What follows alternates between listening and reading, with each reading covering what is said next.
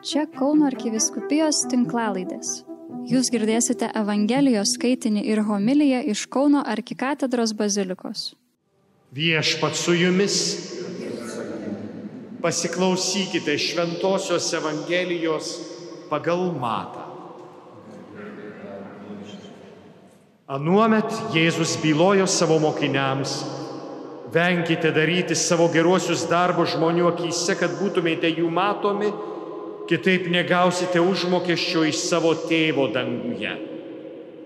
Todėl, dalydamas išmaldą, netrimituok sinagogose ir gatvėse, kaip daro veidmainiai, kad būtų žmonių giriami. Iš tiesų sakau jums, jie jau atsiemė užmokestį. Kai tu dalyji išmaldą, te nežino tavo kairė, ką daro dešinė, kad tavo išmalda liktų slaptoje, o tavo tėvas regintis slaptoje tau atlygins. Kai melžiatės, nebūkite tokie kaip veidmainiai, kurie mėgsta melstis stovėdami sinagogose ir aikštėse, kad būtų žmonių matomi. Iš tiesų sakau jums, jie jau atsiemė užmokestį. Kai tu panorėsi melstis, eik į savo kambarėlį ir užsirakinęs melski savo tėvui, esančiam ten slaptoje, o tavo tėvas, regintis slaptoje, tau atlygins. Kai pasninkaujate, nebūkite paniurę kaip veidmainiai. Jie perkreipia veidus, kad žmonės matytų juos pasninkaujant. Iš tiesų sakau jums, jie jau atsiemė užmokestį. O tu pasninkaudamas pasitep kalėjumi galvą ir nusiprausk veidą, kad ne žmonėms rodytumės pasninkaujas, bet savo tėvui, kuris yra slaptoje. Ir tavo tėvas, regintis slaptoje, tau atlygins. Girdėjote viešpatie žodį. Šlovė tau, Kristau. Kiekvieną kartą,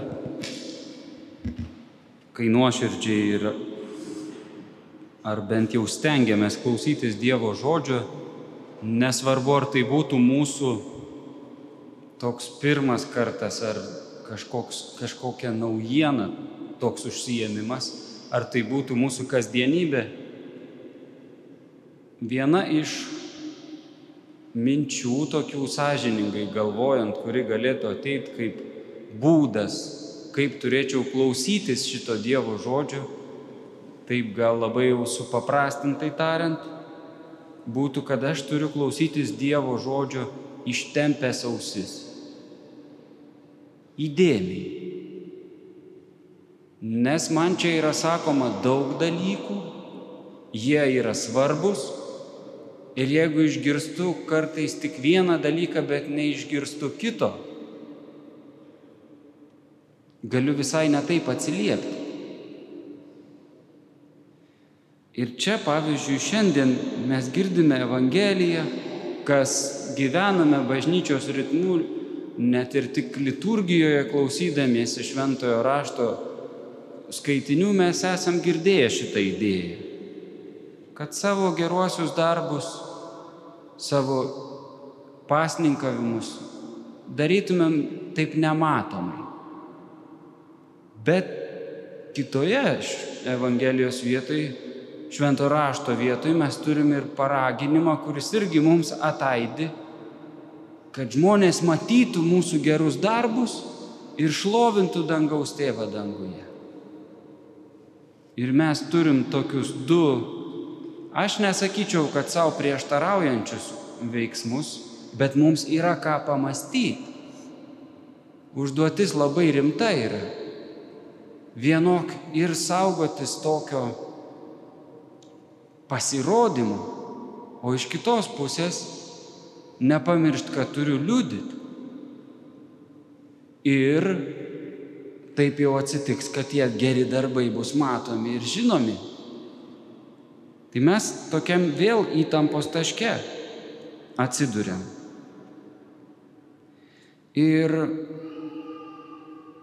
nu kaip pasakyti, atrodo, kaip išspręsti šitą dilemą taip labai vėl liaudiškai tariant, nu čia paprastas dalykas, reikia tikrai stengtis liudyti, bet neišsidirbinėti. Nu taip sakau grubiai, bet labai aiškus kriterijus, kaip patikrinti, ar aš kartais nesu tas, kuris aš nevengiu savo gerų darbų parodyti žmonių akise. Nu jeigu paklaustum savęs, ar išsidirbinėjau, gali rasti atsakymą. Pažiūrė į kažkokį konkretų savo pasirinkimą, kur buvo galimybė daryti gerą ir kažkaip tą reikėjo prisipažinti, kad darau, ar, ar teko kitiem pamatyti, kad aš darau tą gerą, ar aš kažkaip su šituo faktu išsidirbinėjau, ar tai tiesiog ėjo natūraliai. Aš nesistengiau kažkaip to parodyti. Tai vienas iš tokių dalykų. Bet Šiandien mes melžiamės už šeimas ir aš galvojau apie tai, ką man pavyko patirti savo šeimoje, kai augau ir matyti žmonių gyvenimų liudininkų būnant, kad greičiausiai šeima, ar nebus taip, kad šeima yra visai gera vieta mokytis šito balanso. Nes ten nuolat vyksta ir geri darbai, ir, ir negeri darbai, bet šitas uždavinys ten gyvas yra. Ir kodėl aš taip į šeimą žvilgterėjau? Todėl, kad man bent jau pavyksta pastebėti, kad šeimose yra daroma labai daug gerų darbų, prie kurių visi šeimos nariai yra pripratę ir jie net nedėkoja vieni kitiems už tuos gerus darbus. Ir Kartais tai visai nereiškia, kad nėra dėkingumo. Tas dėkingumas yra, bet tiesiog tai yra taip, toks gilus, susijęs vyksmas, kad nu tiesiog nebedėkojamas. Čia du uždaviniai iš vienos pusės galima maitintis, kad štai kaip nuostabu. Vyksta tie geri darbai, jie nėra kažkaip išrodomi, paryškinami, bet jie vyksta. Tai tas yra gerai, bet iš kitos pusės tikrai yra uždavinys ir kartais save ištirti ir paklausti, ar gal verta padėkoti už savaime tokius įprastus gerus darbus. Ir dar daugiau aš galvoju, nu, o kaip, koks instrumentas gali padėti mums šitą balansą išlaikyti. Iš vienos pusės daryti gerus darbus ir jų nerodyti kitiems žmonėms, bet ir neapleisti savo pareigos liudyti, o gerais darbais liudyti savo tikėjimą. Dievo meilė yra dažnai kur kas efektyviau negu žodžiu tą daryti.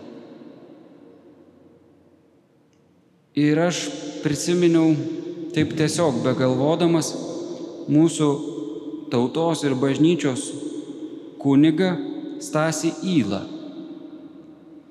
Ir čia jis rašo tokią ištrauką, vad panašų tokį birželį, 1943 metais birželio 10 dieną, kalėdamas Štutgofo koncentracijos stovyklui, tokį tekstą. Dėkoju, dėkojame tau, tėviškoji valia, už visą, ką gerą per tave šiandien esam patyrę. Už sveikatą, už kasdienę duoną, už draugų gerą širdį. Atlygink Dievę tiems geradariams, kurie siunčia mums dovanas kartu su savo širdies dalimi. Skalsink, ką esam gavę ir leisk broliškai pasidalinti su tais, kurie gaunančiųjų džiaugsmo neturėjo progos šiandien patirti. Tokia šviesi malda žmogaus, kuris yra koncentracijos stovykloje, kuris ne, neturi vilties apie ateitį. Bet mums rodo puikų instrumentą, kuris padeda šitą balansą išlaikyti. Ir tai yra dėkojimas. Visiškai nieko naujo. Per išpažintis esat daug kartų girdėję iš kunigų kvietimą dėkoti. Per homilijas. Bet tai, broliai sesės, yra man besirošiant jaučiasi, kad tiek aš primindamas kitiems, manau, kad tą verta daryti, bet man pačiam nuolat ir nuolat prisiminti, koks galingas mūsų tikėjimo kelionėje yra dėkojimo instrumentas ir kaip jis padeda suderinti tokius momentus, kai mes esame atsidūrę tarp, pavyzdžiui, to, kad turiu neišrodinėti savo gerų darbų, bet ir liūdėti. Į tarpą dėkoti. Bet dėkoti su tokiu užsidegimu, kaip šitas kunigas. Sėdi koncentracijos stovykloje, sustoja, pabando atsitraukti nuo nevilties ir skausmo ir šitaip šviesiai dėkoti Dievui. Ir mes skaitydami, jeigu man pavyko bent šiek tiek perduoti nuotaiką, jau maitinamės iš to žmogaus dėkojimu. Mylimieji, tegul bus palaimintas mūsų visų dėkojimas Dievui ir kitiems žmonėms, kuris atveda mus į tikrą tokį vienumą su Evangelija ir su Dievu. Tegul bus palaimintas mūsų dėkojimas, kuris labiausiai išriškėja švenčiant Euharistiją. Amen.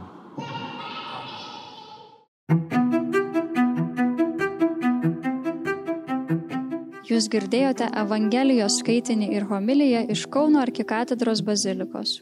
Čia Kauno arkiviskupijos tinklalaidės. Sekite mus ir prenumeruokite.